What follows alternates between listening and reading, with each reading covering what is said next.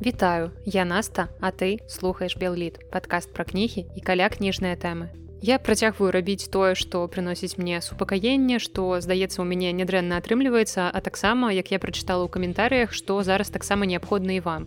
І сёння выпуск у нас трошачки эксперыментальны. Я буду гаварыць вам пра кнігу. Я ўжо пачынала расказваць пра гэтую дакладней расказала у прынцыпе пра гэтую кнігу ў сторыс майго нстаграма.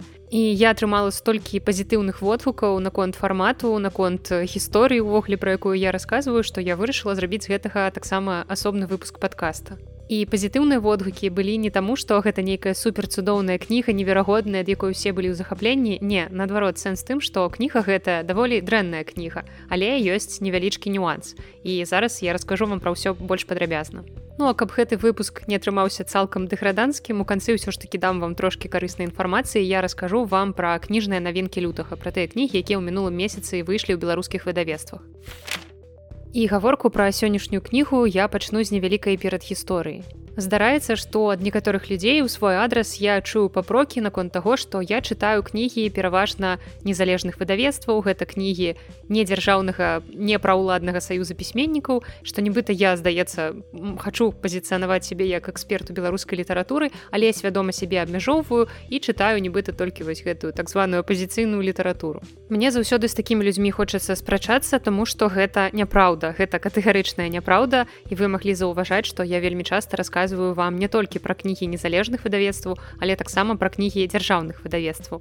І сярод кніг дзяржаўных выдавецтваў ёсць мноства твораў, якія мяне задавальняюць, цалкам задавальняюць і афармленнем нейкім мастацкім ілюстрацыямі і уласна тэкстам ці гэта беларуская кніга ці гэта перакладная кніга няважна таксама я чытаю літаратараў якія ўваходзяць у афіцыйны ў дзяржаўны саюз пісьменнікаў і таксама сярод іх я магу знайсці нешта добрае. Сапраўды можа падавацца такое ўражанне што часцей я менавіта добра больш пазітыўна адгукаюся пра творы якія аўтару якія не ўваходзяць у дзяржаўныя праўладныя саюзы пісьменнікаў але абвінаваціць мяне ў тым што я не чытаю іх зусім ну дакладна ўжо нельга Ну і таму я вырашыла зладзіць для сябе невялічкі эксперымент, які, як мне здаецца, праваліўся ўжо на першай ступені. Таму што я вырашыла пачытаць кнігі, якія атрымлівалі нацыянальную літаратурную прэмію. Калі вы не ведаеце, што гэта такое, то гэта прэмія гідройця у свеце дзяржаўнай літаратуры. Карацей нацыянальная літаратурная прэмія гэта, скажем так, галоўная афіцыйная дзяржаўная літаратурная прэмія Беларусі. Яна ўручаецца ў некалькіх намінацыях за найлепшы празаічны твор, найлепшы паэтычны зборнік, там найлепшы найлепшы дэбют ну карацей яшчэ некалькі намінацый. Уручаецца прэмія таксама раз на год. Звычайна гэта адбываецца восенню калі праходзіць у нас дзень беларускага пісьменства штогод у новым горадзе. Ну і там ёсць грашовая прэмія але памеры гэтай прэміі я не змагла знайсці я змагла знайсці інфармацыю толькі за здаецца 2015 год і тады гэта была даволі вялікая сума але у мільёнах ужо зараз не вельмі актуальная я шчыра кажучы нават не ўяўляю на той час гэта было шмат ці не я ўжо не памятаю як гэта мільёны. Ну і калі вось напрыклад той жа прэміі гідройця прэміі шермана вось іншых незалежных беларускіх літаратурных прэмій мы ведаем дакладныя суммы яны называюцца ну амаль у кожнай навіне пра гэтую прэмію пра тое што абвешчаныя лаўраты або пра тое што абвешчаны нейкі кароткі доўгі спіс спіс то тут з э, гэтай нейкай грашовай інфармацыяй сутыкнуцца ну оказывается даволі вялікая праблема але я чула што сумы там немалыя ну ўсё ж таки сёння не пра гэта. Сёння мы пагаворым пра больш высокая пра больш высокія рэчы ўзнёслыя менавіта пра літаратуру і пра тыя творы якія гэтую прэмію атрымліваюць. А дакладней пра адзін твор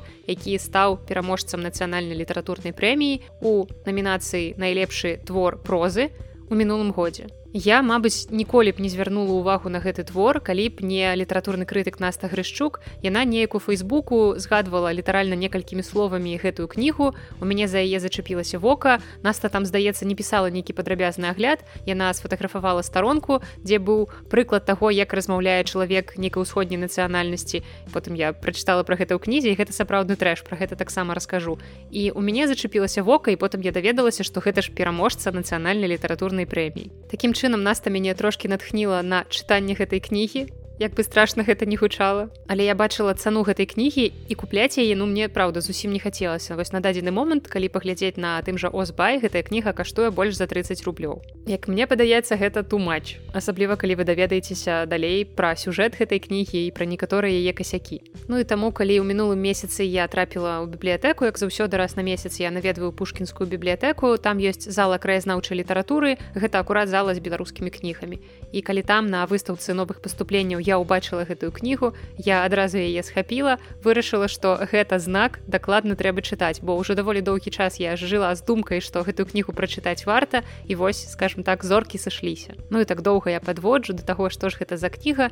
Кніга гэта называется парыж эйфелева вежа і і тут далей шматкроп'е і напісаў гэтую кнігу Віктор праўдзін імя пісьменніка для мяне сюрпрызам не стала я яго учула і раней Праўда я нічога з яго твораў не чытала але прынамсі я ведала пра існаванне гэтага аўтара ведала што ў яго даволі шмат кніг бо часта сутыкалася з імі або ў бібліятэцы або ў кнігарнях нейкіх і заўсёды гэта былі нейкія новыя назвы Так што кніг празаічных у яго даволі шмат. І вось што вам трэба ведаць пра гэтага аўтара? Я зараз самой кніжкі тут ззаду ёсць інфармацыя такая біяграфічная вам раскажу што нарадзіўся ён у 55 годзе ў лідзе. Гэта каб вы ўяўлялі ягоны ўзрост таксама пасля школы ён пайшоў вучыцца ў вышэйшую школу міліцыі. І потым ён працаваў у праваахоўных органах і мае званне маёра міліцыі ў запасе. Ну і першая яго літаратурнай спробы зразумела з усёй гэтай біяграфічнай часткі яны былі менавіта на гэтую тэму. Ён як напісана тут сюжэты для твору браліся з жыцця Таму некаторыя людзі, якія мне пісалі, калі я рассказывала пра гэтую кнігу ў нстаграме, казалі, што яны чыталі акурат яго дэтэктывы і што гэта вельмі нагадвала творчасць чаргінца. Ну і зразумелы чалавек з органаў, які піша пра тое, што яму больш вядома, больш зразумела, больш блізка. Так што мне нават стала цікава, мне больш захацелася пачытаць яго дэтэктыўныя творы. Ну і потым ужо ў яго пачалася літаратурная дзейнасць, ён працаваў намеснікам галоўнага рэдактара Нёмана і полымя, галоўным рэдактарам выдавецтва мастацкая літаратура нават і быў першым намеснікам старшыні саюза беларускіх пісьмен пісьменнікаў і першым сакратаром саюза пісьменнікаў Беларусь. І ў яго нават ёсць медаль францыска з карыны але каб вы разумелі медаль францыска з карыны гэта такая шляпа якую даюць усім. Яна ёсць напрыклад у кіркорова так што каб вы не думалі што медаль францыска з карыны гучыць як нешта важное Ну і што ж мяне так зачапіла ў гэтай кнізе што я ажно цэлы выпуск пра гэта здымаю і запісала серыю сторыс пра гэта і чаму мне хочацца пра яе расказваць. Спачатку невялікі дысклеймер што мне ў гэтым выпуску не хацелася б выступаць нейкім снобам які выступае выключна за нейкую інтэлектуальную высокамастацкую высокадухоўную літаратуру. Не я абсалютна упэўненая ў тым што літаратура мусіць быць абсалютна рознай каб задавольваць патрэбы абсалютна ўсіх слаёў насельніцтва бо у нас сапраўды не кожны беларускі чытач можа чытаць творы альгерда бахарэвича камусьці трэба чытаць нешта больш простае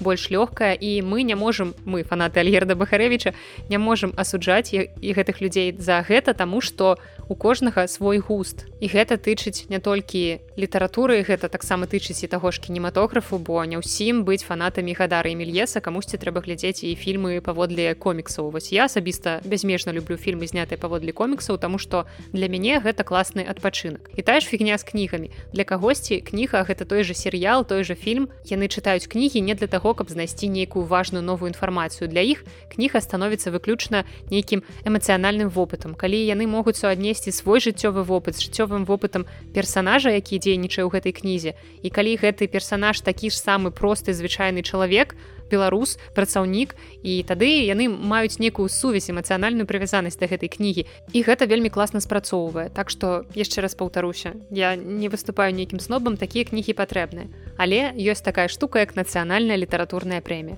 Гэта ўсё ж такі нейкі паказальнік які мусіць задаваць пэўную планку.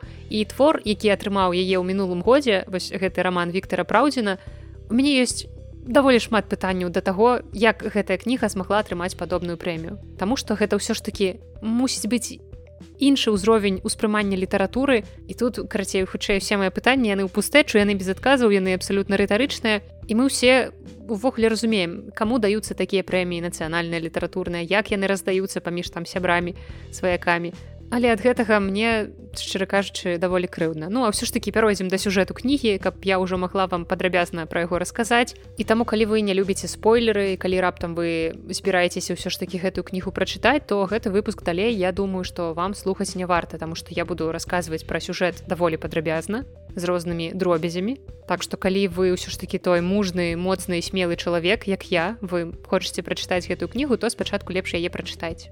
Праўда, я мяркую, што ў вас ёсць найлепшае месца, куды можна ўкласці гэтае 30 плюс рублёў. Можце схадзіць паесці, гэта праўда будзе больш карысным. Ну але пяройдзем уласна да сюжэту кнігі. Галоўны герой гэтага твора алесь гурскі, ён бізнесмен, яму трошкі больш за 30 гадоў і ён нечакана даведваецца, што ў яго ёсць брат-блізнюк.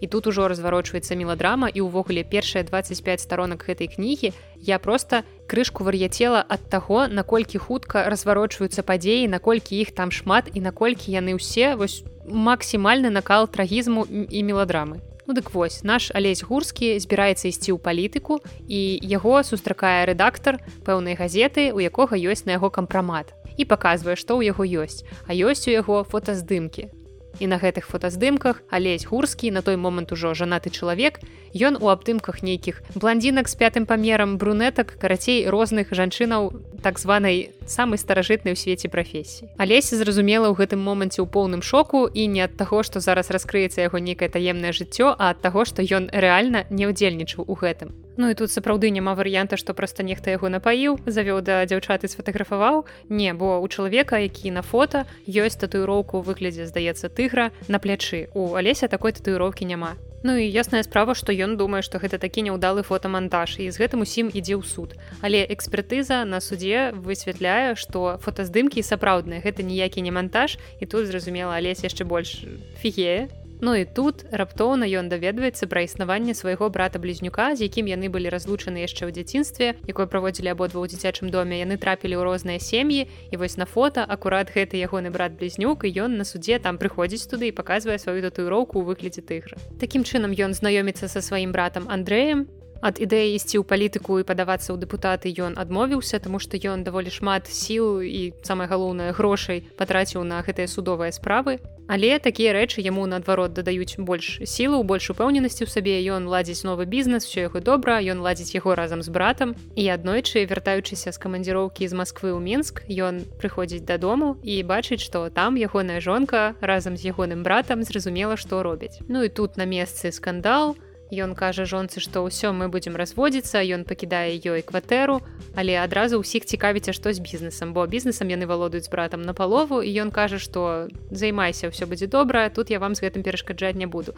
І далей проста сапраўдная меладрама, бо яны з жонкай ідуць у захска празвесціся і ў той жа дзень разам з імі ідзе брат Алеся і там яны з люсяй з гэтай жонкай ужо былой жонкай Алеся падаюць заяву ў захс на шлюб і потым яшчэ аказваецца што гэтая люся цяжарная ад Андрэя ад брата алеся калі б я працавала ў нейкай кінастудыі якая вырабляе ўсе гэтыя аднастайныя меладрамы расійскія украінскія якія вельмі часта паказваюць на канале Росія або на нейкіх беларускіх каналах. І там часам дарэчы можна сустрэць і беларускіх акцёраў з наших тэатраў наших нармальных якасных акцёраў якія едуць туды за добрымі заробкамі. Ну і вось калі б я працавала на нейкай такой кінастудыі я б Віктора праўдзіна з задавальненнем запрасіла б да нас сцэнарыстам. Таму што пісаць меладрамы якія з захапленнем будуць глядзець э, бабулі і жанчыны нейкага такога ўзросту ён умее дакладна.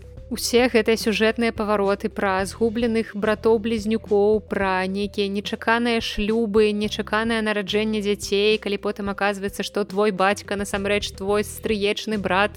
Гэта ўсё вельмі жахліва але неверагодна папулярна сярод людзей так скажем старэйшага пакалення. І вось тое ўсё, што я вам зараз апісала, гэта першыя 28 сторонок кнігі. Вы уяўляеце, наколькі тут дынаміка проста неверагодная. Тут вельмі шмат падзей, якія вельмі раптоўна адбываюцца, сюжэтныя павароты нечаканыя. І вось за 28 сторонок тут усё жыццё прайшло просто ў людзей.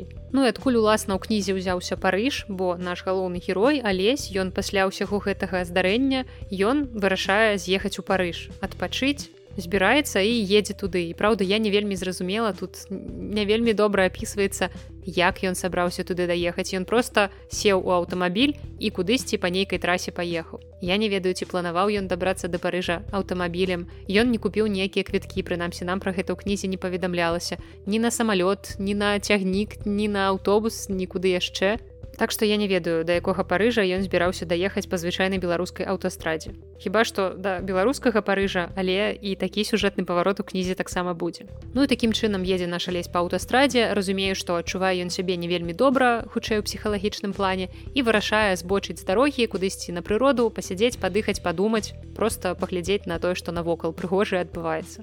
Ён выязджае на дарогу пасярод нейкага поля і раптоўна яму дарогу перакрываюць каровы. Цэлы статак кароў і каровы чамусьці вырашылі што ягоная машына гэта вельмі зручная часалка. Яны пачынаюць часаць свае бакі. Я вам зараз нават апішу ў гэты момант словамі з кнігі. Жывёлы выбіраліся на асфальтску сто арэшніку і здавалася не маем канца. Праз некалькі мінут чырвоны мерседес ператварыўся ў попельны.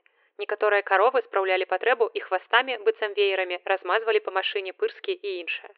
Хтосьці цёрся бокам аб крыло, больш цікаўныя лізалі фары, шкло. Рабая жывёліна часала бок аб люстэрка, пакуль не зламала яго. Гурскі сігналіў, але ад гэтага мітусні не менела. Нечакана перад машынай, як укапаная стала вялізная бурая з адным надламаным рогам.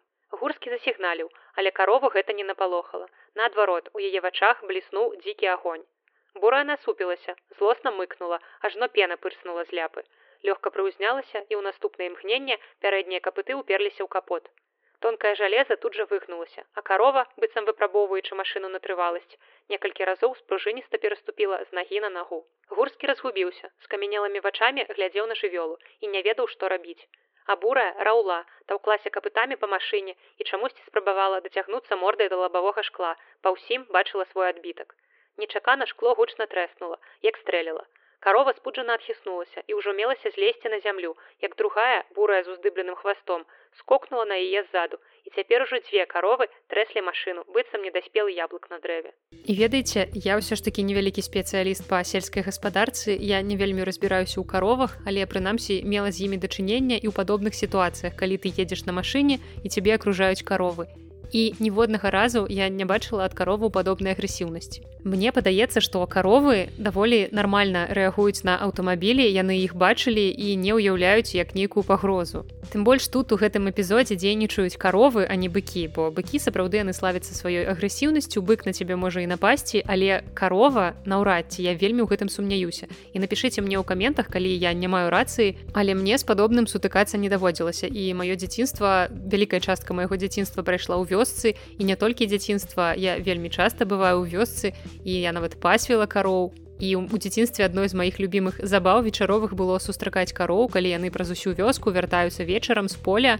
і яны вяртаюцца по той дарозе якая ідзе пасярод вёскі і там ездзіць машыны. І машына просто едзе трошки больш марудна за каровамі паміж каровамі і я таксама аказвалася ў такой машыне якая ехала паміж кароў і ніводнага разу каровы не цёрліся аб бок машыны нават калі яна стаяла на месцы а тым больш калі сігналіла бо мне здаецца што для кароў гэта быў бы даволі страшны гук Так што у мяне няма даверу да такой сітуацыі, але вы можете абвергнуць гэта. Ну і зразумела, што пасля такой сутычкі Мерседес ператвараецца ў не вельмі элітную машыну гурскі адразу тэлефануе ў даі вельмі доўга расказвае што здарылася якая ў яго бяда і ніхто не мог зразумець бо ён пераказваў гэта ўсё праз нейкія свае асабістыя падзеі і пра скасаваны шлюб і праз усё гэта ніхто не разумеў чым сэнс як это ўсё звязаць нейкія каровы машына парыж шлюб што ўвогуле адбываецца Ну і алесю даводзіцца самому ісці разбірацца што здарылася ён ідзе да кіраўніка калгаса новы шлях па прозвішчы дабрынкін і аказваецца што ў той дзень пасвіла кароў акурат дачка гэтага дабрынкіна. І таксама яшчэ адна вельмі дзіўная сітуацыя калі дачка кіраўніка калгаса яна нібыта пастух але рэч тым што яна замяняла свайго деда яе дзед ціхан ён больш за 40 гадоў у гэтым калгасе працаваў механікам і калі ягоны зять стаў старшынёй калгаса то гэтаму мужчыне прынцыпова не захацелася быць у свайго зяця падначаленым у іх увогуле такія вельмі нацягнутыя адносіны вельмі дрэнна ставіцца адзін да аднаго. Дакладней хутчэй сцяпан горш ставіцца да дабрынкіна Ну і таму ён нібыта на зло пайшоў працаваць на ферму пастухом. Ну і ў той дзень працаваў акуратня ён но ягоная ўнучка Зразумела, што для калгаса для ўласна дабрынкіна гэта сітуацыя не вельмі прыемная, таму што гурскі нібыта бізнесмен, чалавек уплывовы, што заўгодна можа ім там зрабіць і таму яны вырашаюць ціхенечка адвесці яго машыну і адрамантаваць самастойна, але як вы разумееце, гараж у калгасе наўрад ці можа паўнавартасна адрамантаваць мерседес. Ну але зрабілі яны гэта разабралі там амаль машыну па запчастках хутчэй для таго каб алеся затрымаць у гэтым калгасе каб было трошки менш праблем. У выніку яны знаходзяць нават яму на члег дзе пераначаваць у адной мясцовай жанчыны. Ён туды неахвотна ідзе ён яшчэ выклікае эвакуатар карацей там вельмі шмат момантаў не буду ўжо такія дробязі ўдавацца. Ну ён едзе начаваць да гэтай жанчыны а на наступную раніцу ён вырашае схадзіць паплаваць бо добрае надвор'е можна і пакупацца І трэба яшчэ дадаць, што алесь спачатку не ведаў, хто вінаваты ўвогуле ў той сітуацыі, якая адбылася з каровамі, таму што яму адразу не здавалі дачку старшыні калгаса, сказалі, што ўсё ж такі на месцы быў пастух, які ў іх звычайна працуе, сцяпан ягоны цесть. Ну і таму у яго загадзя ўжо нейкія дрэнныя адносіны склаліся з гэтай дачкой старшыні калгаса. І калі гурскі пайшоў плаваць то здарылася такая сітуацыя што ён зачапіўся ногой за сетку і проста не мог выплысці. У яго ўсё менш сіл заставалася каб трымацца на паверхні і ён сапраўды пачаў тануць. І хто б вы думалі у гэты момант прыйшоў яму на дапамогу. Калі я пра гэтую кнігу рассказывала ў сторыс то яшчэ на тым моманце калі я гаварыла пра дачку старшыні калгаса што яна пасвіла кароў і што гэта яна вінавата ў тым што здарылася з машынай гурскага мне многія напісалі напісалі што ён жа ў канцы з ёй застанецца. Так што ў гэтай кнізе абсалютна не, няма ніякай інтрыгі. Вось гэтая дачка старшыні калгаса якая там на беразе нейкую лазу рэзала яна бачыць тое як тоне гурскі і яго выратоўвае.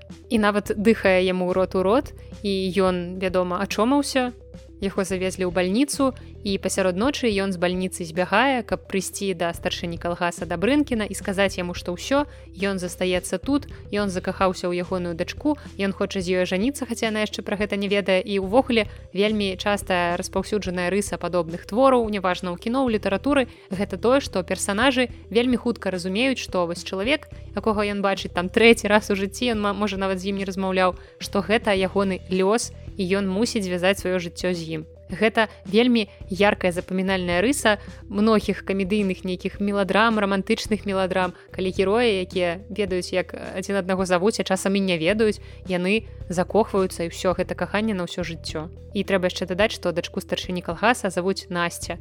І ўсю кнігу я не магла просто перастаць думаць про тое што ў гэтай гераіне маё імя. Чаму ж я на сябе так паводзіць гадка? Я вельмі не люблю калі людзей завуць маім іменем і калі гэтыя людзі не самыя прыемныя асобы. Але на жаль імя імя насця даволі ў прынцыпе распаўсюджаная.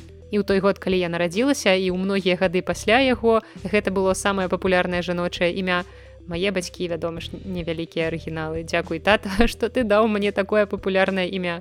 І калі праз 15 паловы гадоў пасля мяне нарадзіўся мой малодшы брат бацька таксама не быў асабліва вынаходлівы Ён падумаў што ў нас з братам мусіць быць аднолькавыя ініцыялы кав і майго малодшага брата ён таксама назваў імем на а і таксама адным з самых папулярных у той год імёнаў і у мяне брат такім чынам арцём Ну і крыцей я не вельмі люблю сустракаць у літаратуры сваё імя асабліва калі вось падобныя персонажы маюць такое імя. Ну дык вось пасярод ночы прыйшоў алесь да дабрынкіна выліў на яго ўсё гэта тая насця яшчэ не ведае што што яе чакае што яе чакае прапанова рукі і сэрца ў такім выглядзе. Дабрынкін вяртаецца ў бальніцу а ўжо потым ён пасля таго як яго выпусцілі ён ідзе прызнавацца ў каханні да насці. Мяне сапраўды на працягу ўсёй гэтай кнігі не пакідала адчування што я чытаю нейкі вельмі танны і банальны твор. Мне сапраўды было сорамна за ўсё тое што я чытаю. І вядома ж можна было уяўляць неяк супакойваць сябе што ды я ж вось як бы раблю сваю працу я знаёмлюся з сучаснай беларускай літаратурай у розных яе праявах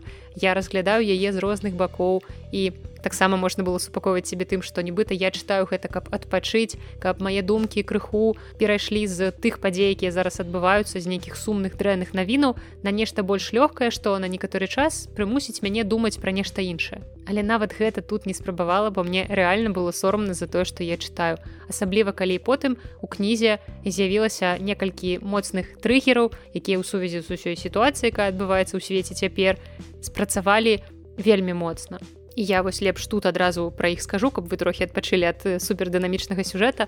У гэтай кнізе ёсць герой якога завуць мікалай. Ён не нейкай важнай значнай ролі для сюжэту не грае ён просто кіроўца ў калгасе і яго даюць гурскаму калі ўжо ён застаецца ў гэтым калгасе гэты мікалай гурскаму расказвае пра сваё жыццё і калі гэтая кніга складалася пераважна з дыялогаў паміж героямі якія былі звычайна вельмі кароткія ніхто там душу не выліваў на чытача то мікалай чамусьці атрымаў ажно дзве старонкі ну скажем чыстага маналогу. Бо гэтыя дзве старонкі ён расказвае пра сябе і сваё жыццё. І аказваецца што ён з данецка ён пераехаў Беларусь і ў гэтым дыялогу можна сустрэць мноства рознай ерасі кшталту нацыстаў і бандераўцаў вельмі папулярнай рыторыкі. І таму я магла б дараваць гэтай кнізе многае.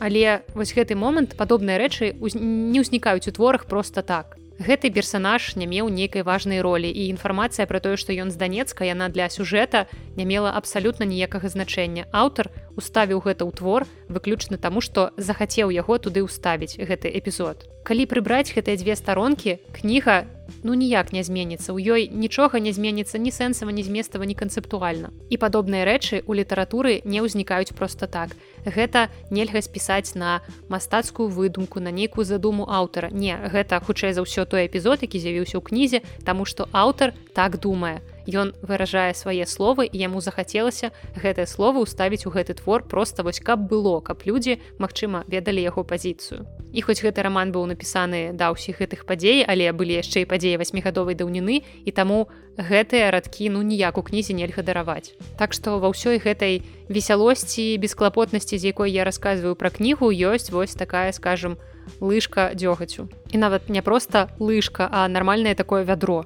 Гэта такі вялікі тлусты мінус гэтай кнігі які просто немагчыма абмінуць. Але вернемся да сюжэту. Алесь вырашае застацца ў гэтай вёсцы. Я забыла сказаць што она называется навасёлкі ехаў парыж атрапіў навасёлкі і паколькі ў яго ёсць грошы ён хоча працаваць разам са старшынёй калгаса на карысць гэтага калгаса і зрабіць у ім нешта добрае ну і ажаніцца з дачкой і адразу навіна пра іх шлюб разнеслася па ўсёй вёсцы. Дачка старшыні калгаса таксама на гэта згодная. Усе людзі ведаюць все ўжо гэта абмяркоўваць і я не ведаю наколькі важная гэтая вёска што падзеі з яе данесліся ў сталіцу. Я дарэчы так і не зразумела наколькі далёка гэтая вёска ўвогуле ад сталіцы знаходзіцца таму што напрыклад у мінскай вобласці на васёлак штук 30 як мінімум. Ну але хутчэй за ўсё згодна з тым што герой наш даволі хутка прыязджае ў горад і вяртаецца ў навасёлкі знаходзіцца гэтая вёска не вельмі далёка. Ну і карацей звесткі пра ягоны шлюб далятаюць да сталіцы ну а канкрэтна да яго былой жонкі Я не ведаю якім цудам гэта здарылася навошта ёй увогуле была патрэбная інфармацыя гэтая адкуль адкуль яна данеслася да яе. Гэта таямніца якая ніколі мне здаецца не адкрыецца нам. Ну а ў жонкі яшчэ ёсць нейкія не скажу пачуцці да мужа хутчэй такое нежаданне каб у яго ўсё склалася добра аднекуль у яе ёсць пэўныя негатыўныя эмоцыі да яго. І яна вырашае сапсаваць яму ўсе планы і робіць гэта з дапамогай свайго цяперашняга мужа Андрэя брата блізнюка алеся і акурат дзякуючы вось гэтаму падабенству яна робіць так што Андрэй выкрадае насцю будучую жонку алеся. Насця сапраўды прымае Андрэя за алеся бо ўсё ж такі яны блізнюкі сапраўды падобныя. Вядома ж яе трошки напружвае што ён неяк нейкі не такі да якога яна прывыкла ён неяк себе паводзіць не так але знешняя яна не заўважае некага падману і такім чынам можна сказаць што Андрей яе выкрадае вязе ў машыне але яму трэба было каб людзі бачылі што менавіта яна сама села да яго ў машыну каб не ўзнікала ніякіх пытанняў. Ён расказвае дзяўчыне што павязе зараз яе ў свой прыхожы трохпавярховы катэдж што яна будзе там гаспадыня яны будуць там цудоўна жыць. Ну і зразумела дзяўчына ва ўсё гэта верыць. Не думаю што тут ёсць нейкі падвох? І для чаго ўвесь гэты танны спектакль спатрэбіўся люсі? І тут все вельмі проста. Выключна бізнес яна хоча каб муж перапісаў былы муж перапісаў пераклаў рэшту бізнеса на яе. І зразумела ён хоча вызваліць сваю каханую ён едзе ў мінск подписывае там гэтыя паперы і пакуль ён гэтым усім займаецца Андрэй вязе дзяўчыну невядома куды і тут прыходзіць новая інфармацыя ад люсі у якой у галаве з'явіўся новы нейкі дзіўны план. Яна кажа што зараз я табе скіну коаардынаты куды ты мусіш адвесці гэтую дзяўчыну і там яе пакінуць. І калі я ў нстаграме дзялілася ўражаннямі ад гэтай кнігі я на той момант прачытала толькі палову і не дайшла яшчэ да такога важнага сюжэтнага паварота. Я вельмі сумавала што аўтар пакуль не выкарыстаў тое што ў беларусі ёсць свой парыж вёска парыж але ўсё ж такі гэтай козыр з'явіўся ў кнізе. І былая жонка люся такая арыгінальная відаць падумала што ты хацеў парыж гэта пра алеся вось табе парыж і яна просіць каб яе цяперашні муж Андрей адвёз насцю акурат у вёску парыж там дарэчы ёсць і металічная канструкцыя якая нагадвае эйфелеву вежу. Ну яны едуць туды алесь подписывае ўсе дакументы потым ён знаходзіць сваю каханую і тут у рамане ўвогуле не вельмі зразумела прапісаная матывацыя люсі навошта ёй патрэбен быў увесь гэты танны цырк калі ўсё скончылася даволі проста Андрей пакінуў дзяўчыну якую дагэтуля паіў шампанскім са снатворным пакінуў яе на вяршыні эйфелева вежы ў парыжы як бы смешна гэта не гучала і ў гэты ж момант за ёй прыехаў алесікі яе забраў. Яны ажаніліся жылі доўга у іх нарадзілася двое дзетак хлопчыкі блізняты. Я лезь застаўся ў гэтым калгасе і сапраўды там працаваў яго там былі вялікія ідэі наконт развіцця бізнесу. І кожны год яны ездзілі ў гэты ж дзень у парыж каб неяк святкаваць нараджэння іхняй сям'і. І праз некалькі гадоў уласна пасля шлюбу заходзячы ў царкву ў гэтым парыжы алесь і насця сустракаюцца з андрэем братам алеся і бачыць што ён адзін з дачкой І тут зноў нечаканы ў канцы сюжэтны драматычны паварот. Аказваецца, што Люся кінула Андрэя з дачкой, а сама кудысьці з'ехала з новым хахалем. У канцы гэтай кнігі вельмі рамантычныя сентыментальныя чытачы мусяць ужо рыдаць. Ужо вядро слёз павінна побач з імі быць. Але ў мяне балеў твар, балеў лоб, таму што ён стаміўся ад таго, што я бясконца шлёпаю па ім сваёй далонькай. І я вось расказала вам увесь сюжэт кнігі, але я не буду завастраць увагу на сюжэце на падзейнай частцы гэтага твора, таму што насамрэч гэта не так важна. Гэтая кніга спраўляецца са сваёй функцыяй, яна забаўляе, яна зацягвае і сапраўды ёсць людзі, якія прачытаюць яе задавальненнем, знойдуць нейкія знаёмыя сітуацыі знаёмых персанажаў, бо падобныя гісторыі звычайных людзей вельмі чапляюць. Але чым я тады незадаволеная і у чым я бачу увогуле праблему гэтай кнігі. Праблема ў тым, што гэта сапраўды нізкаякасная літаратура. Гэта нізкаякасны твор, які складаецца выключна з падзейнай сюжэтнай часткі. У гэтым творы вы не знойдзеце развіцця персанажаў, вы не знойдзеце нейкіх апісанняў прыроды чалавека, апісанняў нейкай псіхалогіі чалавека. Нейкія пакуты, душэўныя перажыванні на больш глыбокім узроўні у герояў у гэтым творы не адбываюцца ўсё што мы ў гэтым творы бачым гэта падзей падзеі падзеі герой зрабіў тое пайшоў туды сказаў тое. Гэта ўсё што ў гэтай кнізе адбываецца. Мы у нармальнай літаратуры можам здагадвацца пра тое што адчувае персанаж нават паводле таго як аўтар апісвае прыроду ці нешта такое тут жа нічога гэтага няма і ўсё падаецца ў лоб. Герой адчуваў тое таму зрабіў тое. Абсалютна ніякай глыбіні персанажаў і раскрыцця іх вобразаў. І вось у гэтым асноўная праблема ў гэтых кніг. Яны вельмі павярхоўныя. І калі для ўласнай гэтай кнігі гэта не вельмі дрэнна можа быць у аўтара і не было такой задачы ягоная кніга зусім іншым патрабаваннем мусіла адпавядаць. І зусім іншаму прызначалася колу чытачоў але навошта тады нацыянальная літаратурная прэмія? Ну але як я ўжо сказала мы ўсе выдатна разумеем як выдаюцца падобныя прэміі. І самае смешнае што я прачытала ў апісанні гэтай прэміі што творы адбіраюцца экспертнай камісіі і цяпер мне вельмі цікава у якой галіне ведаў гэтыя эксперты эксперты бо мне падаецца што дакладна не ў літаратуры Таму пакінем такі выбар у нацыянальнага лаўрэата на сумленні журы на сумленні тых самых экспертаў якія абралі гэтую кнігу і пагаворым пра яшчэ адну велізарную праблему гэтай кнігі. Кніга парыж эйфелева вежа і выйшла ў выдавецтве чатыры чвэрці гэта прыватнае выдавецтва і наклад гэтай кнігі невялікі ўсяго 200 асобнікаў. І ў мяне ёсць такія падазрэнні што аўтар просто выдаў гэтую кнігу за свае сродкі і гэта нармальна гэта ў сучаснай беларускай літаратуры даволі распаўсюджаная практыка Таму што не ўсе выдавецтвы у нашы часы могуць узяць на сябе рызыку выдаваць аўтара нават калі гэта даволі вядомы аўтар кнігі якога купляюцца і прадаюцца. А як мы бачым дакладней як я бачу як я ўжо прачытала у Віктора праўдзіна кніг даволі шмат але не ведаю наколькі яны купляюцца прадаюцца і наколькі ўвогуле чытачы яго ведаюць. Уся гэтая кніга у мяне спрэс залепленая стыкерамі і гэтымі стыкерамі пазначаныя памылкі. Рэч у тым што ў гэтай кнізе неверагодная колькасць памылак Я думаю, што памылак тут столькі ж прыкладна колькі ўсяго старонак у гэтай кнізе, бо на адной старонцы яны могуць не сустрэцца, затое на наступнай старонцы іх можа быць адразу тры. Ну і тут я выдзяляла выключна арфаграфічныя памылкі ці памылкі друку ці памылкі, якія звязаныя з тым, што аўтар ці там рэдактар проста не ведае, як пэўная канструкцыя ўжываецца ў беларускай мове.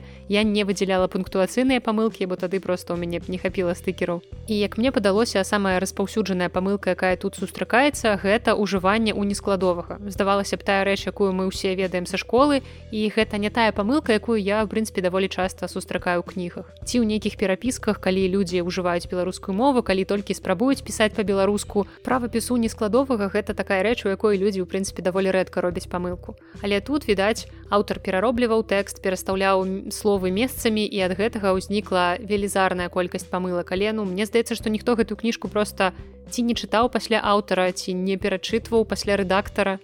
Таму дзве літары ў нескладовая запар гэта абсалютна натуральная рэч для гэтай кнігі або наадварот адсутнасць у нескладовага там дзе яно мусіць быць ёсць пэўная колькасць проста прапушчаных літарак банальных і памылак друку. Ну а ёсць таксама тыповыя распаўсюджаныя памылкі напрыклад калі не ведаюць як напісаць адзін аднаго або адно аднаго ці нешта такое.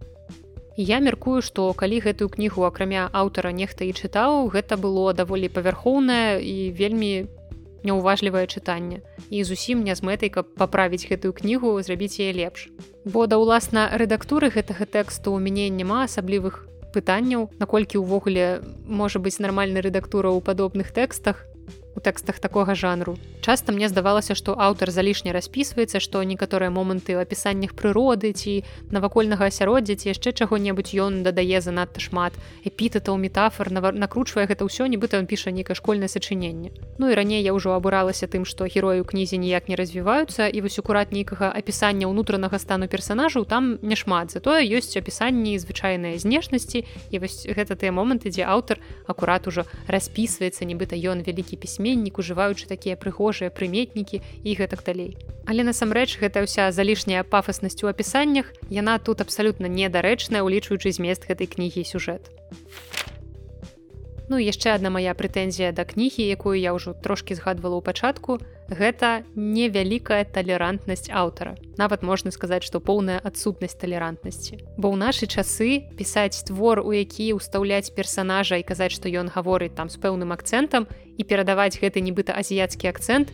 Гэта такое дзікунства і ў гэтай кнізе ёсць герой якога завуць карым ён здаецца таджик і ён размаўляе ў стылі моя твоя не панімаць мне падаецца гэта не вельмі прыгожа. Ну і такім чынам я думаю у вас склалася агульнае ўражанне маё ад гэтай кнігі яно не самае прыемнае і шмат прычын на гэта ёсць. Я ўсё агучыла ў гэтых 40 хвілінах амаль якія вы ўжо праслухалі. Таму вырашаць толькі вам ці чытаць гэтую кнігу ўвогуле ці захацелася вам можа быць яе прачытаць пасля таго што вы толькі што пачулі нават ведаючы ўсе сюжэтныя павароты ўсе спойлеры. Ці можа быць наадварот гэтая кніга зробіць так што вы ніколі ў жыцці больш не возьмеце ў рукі лаўрэатаў нацыянальнай літаратурнай прэміі так амаль здарылася ў мяне. Калі я планавала свой эксперымент па чытанні лаўрэатаў нацыянальнай літаратурнай прэміі хаця б у галіне прозы то я не думала што ўжо пасля першай кнігі ўвесь мой імпэт кудысьці знікне. Я ўсё ж таки супакойваю сябе што напрыклад некалькі гадоў таму лаўрэатам гэтай прэміі стаў владимир сцяпан за сваю кнігу хвалі якую я люблю і гэта нядрэнная кніга я люблю гэтага аўтара Я нават даследую яго ў сваёй навуковай дзейнасці. Так што ў мяне пакуль што ёсць яшчэ невялікая надзея, што там далей сустрэнецца нешта добрае, але пасля гэтай кнігі надзеі на гэта ўсё менш. Напішыце мне, калі ласка ў каментарыях, як вам увогуле такі эксперымент, бо я гляджу шмат кніжных блогераў на Ютубе, кніжных блогераў з іншых краінаў, якія вельмі часта расказваюць пра нейкія дрэнныя кнігі. І ў іх часам гэта найбольш папулярны фармат. Ёсць некаторыя кніжныя блогеры якія расказваюць выключна пра дрэнныя кнігі. Ну там 95соткаў кніг на іх канале гэта вось некая падобная літаратура. Таму я не хачу цалкам пераходзіць у такі фармат. Зусім не наадварот моя мэта місія гэта несці да вас добрую літаратуру. Але як вы ставіцеся да таго што тут часам будуць з'яўляцца вось такія больш забаўляльныя выпускі якія не нясуць нейкай сэнсавай нагрузкі ў сабе нейкая нават дэградацыя пэўная адбываецца. Але каб трохі адпачыць можа быць нават пасмяяцца як вам увогуле такі фармат? Я вядома не комік не стендапер не ведаю мяне не атрымліваецца дасціпна неяк хутка жартаваць. Мне часам кажуць што у мяне добрае пачуццё гумару але як мне здаецца яно выключна сітуацыйнае калі ў нейкай пэўнай сітуацыі нешта адбываецца я магу добра пажартаваць але пісаць жарты вось так прыдумваць спецыяльна на заказ я не магу у мяне не атрымліваецца. Так што не ведаю наколькі гэтыя ролікі будуць супер дасціпныя супер смешныя але прынамсі сюжэту гэтай кнігі можна было пасмяяцца Ну як абяцала заканчиваем нашу дэградацыю на нейкай пазітыўнай ноце. Я вам раскажу пра тыя навінкі якія выйшлі ў наших выдавецтвах у лютым. Першае выдавецтва да якога мы звернемся гэта кнігазбор. І у лютым у іх выйшла кніга верша ў рэгора барадуліна якая называется у ката мірона чорная карона Гэта кніга для дзяцей, гэта зборнік вершаў, які аб'яднаны агульнай тэмай, гэта ўсё вершы пра катоў. Гэтую кнігу уклала Аксана спрынчан, паколькі яна вельмі любіць катоў і яна вырашыла сабраць у творчасці барадуліна па такія творы, іх аказалася даволі шмат. І мастак Михась Дайлідаў аздобіў гэтую кнігу чарна-белымі ілюстрацыямі і атрымалася 32 старонкі цікавых забаўляльных вершыкаў для дзетак кнігу гэтую я пагартала яшчэ не чытала але ў прынцыпе ў якасці вершу рыгора барадоліна ў мяне няма прычын сумнявацца. Спасылку на пакупку гэта і іншых кніг я пакіну ў апісанні да гэтага выпуску Наступная кніга, якая выйшла ў лютым у выдавецтве кнігазбор, гэта зборнік паэзіі прозы і публіцыстыкі Антаніны Хатэнка. Кніга называецца вербніца. У гэтай кнізе 260 старонак, сапраўды яна насычаная творамі рознага кшталту. І самае важнае, што зараз можна сказаць пра гэтую кнігу, гэта тое, што ў гэтым годзе яна атрымала літаратурную прэмію Мехася Стральцова. Прэмія была прысуджаная Антаніне за вернасць класічным літаратурным традыцыям, тэматычнае і вобразнае багацце мовы, папулярызацыю паэтычнымі сродкамі народных пэўных звычаяў і абрадаў. І сапраўды ў гэтай кнізе шмат цікавых вершаў, таксама некалькі паэм, некалькі невялічкіх празаічных твораў і таксама ёсць некалькі эсэ. Кнігу таксама я яшчэ не прачытала, але яна мяне зацікавіла, тым больш пасля таго, як яна атрымала літаратурную прэмію, будзе цікава на яе зірнуць, я яе ўжо купіла. Так што, магчыма, у хуткім часе я падзялюся з вами ўражаннямі. Наступнае выдавецтва, якое ў лютым парадавала нас кнігамі, гэта выдавецтва Янушкевіч парадавала дакладней усяго адной кнігай на жаль. Гэта першы пераклад на беларускую мову іосифа бродскага які выходзіць асобнай кнігай бо раней напрыклад вершы бродскага тыя ж друкаваліся ўжо ў кнігах напрыклад андрея хадановича ён шмат яго перакладаў. Але ўпершыню бродскі по-беларуску выйшаў вось так асобнай кнігай і гэта балада пра маленькі буксір. Гэта невялікі дзіцячы верш, які аздоблены ілюстрацыямі яго раяшчэнні ў перакладзе алесі алейнік вельмі сімвалічна што гэтая кніга была першай публікацыяй бродскага на радзіме ў рассіі ў далёкім 1962 годзе. Я бязмежна люблю гэтую кнігу у мяне з ёй звязаныя вельмі прыемныя ўспаміны таму што гэта была першая кніга якую я прачытала яшчэ амаль 6 гадоў таму і калі уладкавалася на працу ў кнігарню і тады гэта было прыгожае такое квадратнае выданне якое выйшло адным з расійскіх выдавецтваў. І я была расчуленая і тады акурат мне расказалі што часцей ад гэтай кнігі плачуць акурат дарослыя а не дзеці таму што дзеці яшчэ не вельмі разумеюць нейкіх тонкасцяў. Для іх это просто прыгожы верш прыгожая кніга з карцінкамі а я была ў шоку ад таго што ёсць вось такі бродскі для дзяцей. Чытаць гэтае выданне канкрэтна беларускае я ўжо пачала і у мяне мноства пытанняў да перакладу.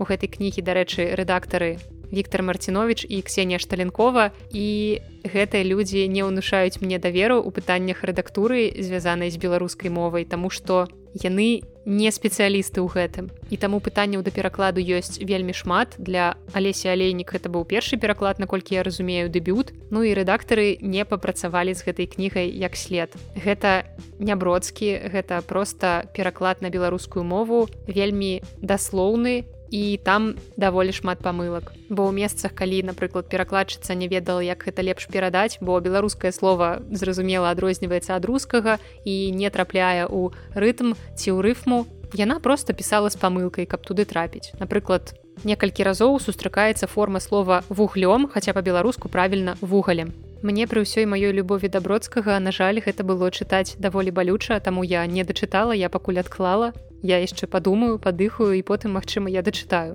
Але да перакладу дакладна ёсць пытанне. Наступнае выдавецтва гэта мастацкая літаратура і ў лютым у іх выйшла не зусім навінка хутчэй перавыданне твораў класіка гэта кніга сымон музыка на ростанях трылогія кніга першая гэта зборнік якуба коласа ў серыі школьная бібліятэка серыя нам добра вядомая шмат класіку выдаецца менавіта ў ёй мы памятаем яе яшчэ са школы серыі шмат гадоў так што тут нічога асабліва новага Наступнае выдавецтва, якое парадавала нас зноў жа не зусім навінкай, гэта перавыданне. Выдавецтва Лімарыус выпусціла кнігу Ганны северынец гасцініца Бельгія. І гэта кніга ўжо выходзіла не так даўно і вось так хутка выйшла перавыданне, таму што Ганна гэтую кнігу трошкі дапрацавала. І праз 5 гадоў пасля першага выхаду кнігі яна вырашыла яе перавыдаць, дадала там трошкі біяграфічнай інфармацыі, удакладніла нейкую гістарычную фотаграфію, Таму што ўзнікалі ў спецыялістаў пытанні пасля выхаду гэтай кнігі. Я не ведаю, ці буду я перачытваць гэтую кнігу ў новым выданні. Я пакуль што яе нават не купіла. Я не тое, каб была моцна захопленая. Мне вельмі падабаецца, што робіць Ганна северынец у публіцыстычным плане, як яна расказвае пра літаратараў пра гэты свой любімы перыяд 20-30х гадоў, пра гэтых пісьменнікаў паэтаў, і я даволі роўна спакойна стаўлюся да яе мастацкай творчасці бо калі яна расказвае у сваіх мастацкіх раманах пра літаратуру 20-30х так гэта чытаецца добра. Але сама сюжэтная частка мяне захапляе не настолькі. Так што пакуль у мяне перачытванне гэтага твора пад пытаннем. Наступнае выдавецтва гэта галіяфы і ў іх нарэшце выйшлі і зорныя дзённікі станіслава лема у перакладзе льва казлова і ў адным з папярэдніх выпускаў я ўжо рассказывала чаму у выдавецтве нушкевіч у выдавецтве галіяфы выйшлі кнігі аднаго і таго ж аўтара з адной той жа назвай але гэта розныя творы і спачатку трэба чытаць выданне янушкевіча а ўжо потым выданне галіяфу акурат нядаўна я дачытала зорныя дзённікі янушкевіча і цяпер буду чытаць зорныя дзённікі галіяфу Наступнае выдавецтва гэта беларуская навука і першая кніга гэта кніга Алены Ляшкевіч традыцыйны каляндар. У гэтай кнізе сабраныя нарысы, нарысы, якія расказваюць пра святы і напісаная гэта кніга была ў 2014-2021 годах. Вельмі шмат навуковых матэрыялаў у гэтай кнізе вельмі шмат палявых менавіта з месцаў падзею тому что алена як журналістка наведвала святкаванні розных святаў яна пісала пра гэта матэрыялы і вось гэтыя тэксты яны сабраліся ў цэлую кнігу. Таму калі вы цікавіцеся народнай культурай беларускай культуры то вельмі раю вам гэтую кнігу пачытаць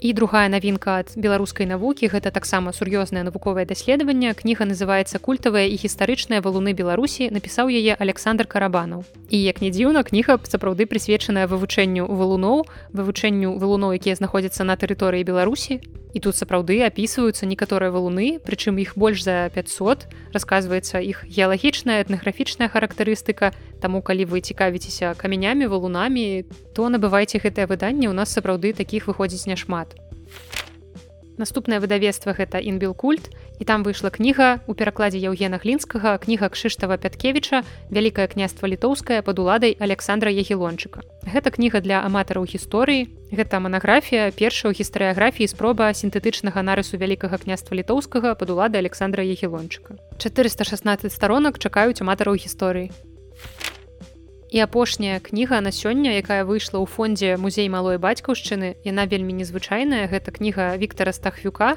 якая называецца подых тэмры. І што ў гэтай кнізе незвычайная, Яна напісаная на падляшша рускай гаворцы. Сам аўтар родам з гайнаўшчыны і на той роднай мове, якая яму блізкая, на якой ён размаўляе, якой карыстаецца, ён і напісаў гэтую кнігу. Кніга змяшчае ў сабе аўтабіяграфічныя элементы і таксама нейкія філасофскія аўтарскія развагі і гэта ўсё што мне хацелася сказаць вам у сённяшнім выпуску спадзяюся вам быў цікавы такі фармат бо не ўсё ж нешта сур'ёзнае расказваць пра сур'ёзныя інтэлектуальныя дарослыя кнігі трэба часам рабіць і нешта падобнае Таму пішыце як вам фармат ці можа быть у вас ёсць ідэі кніг пра якія вам хацелася б пачуць можа быть вы ўжо чыталі нешта з беларускай літаратуры такое што вас уразіла як мяне гэтая кніга Віктора праўдзіна чакаю ваши каментарыі Дякую вам сёння за ўвагу з вами была наста і падкаст белліт да сустрэчы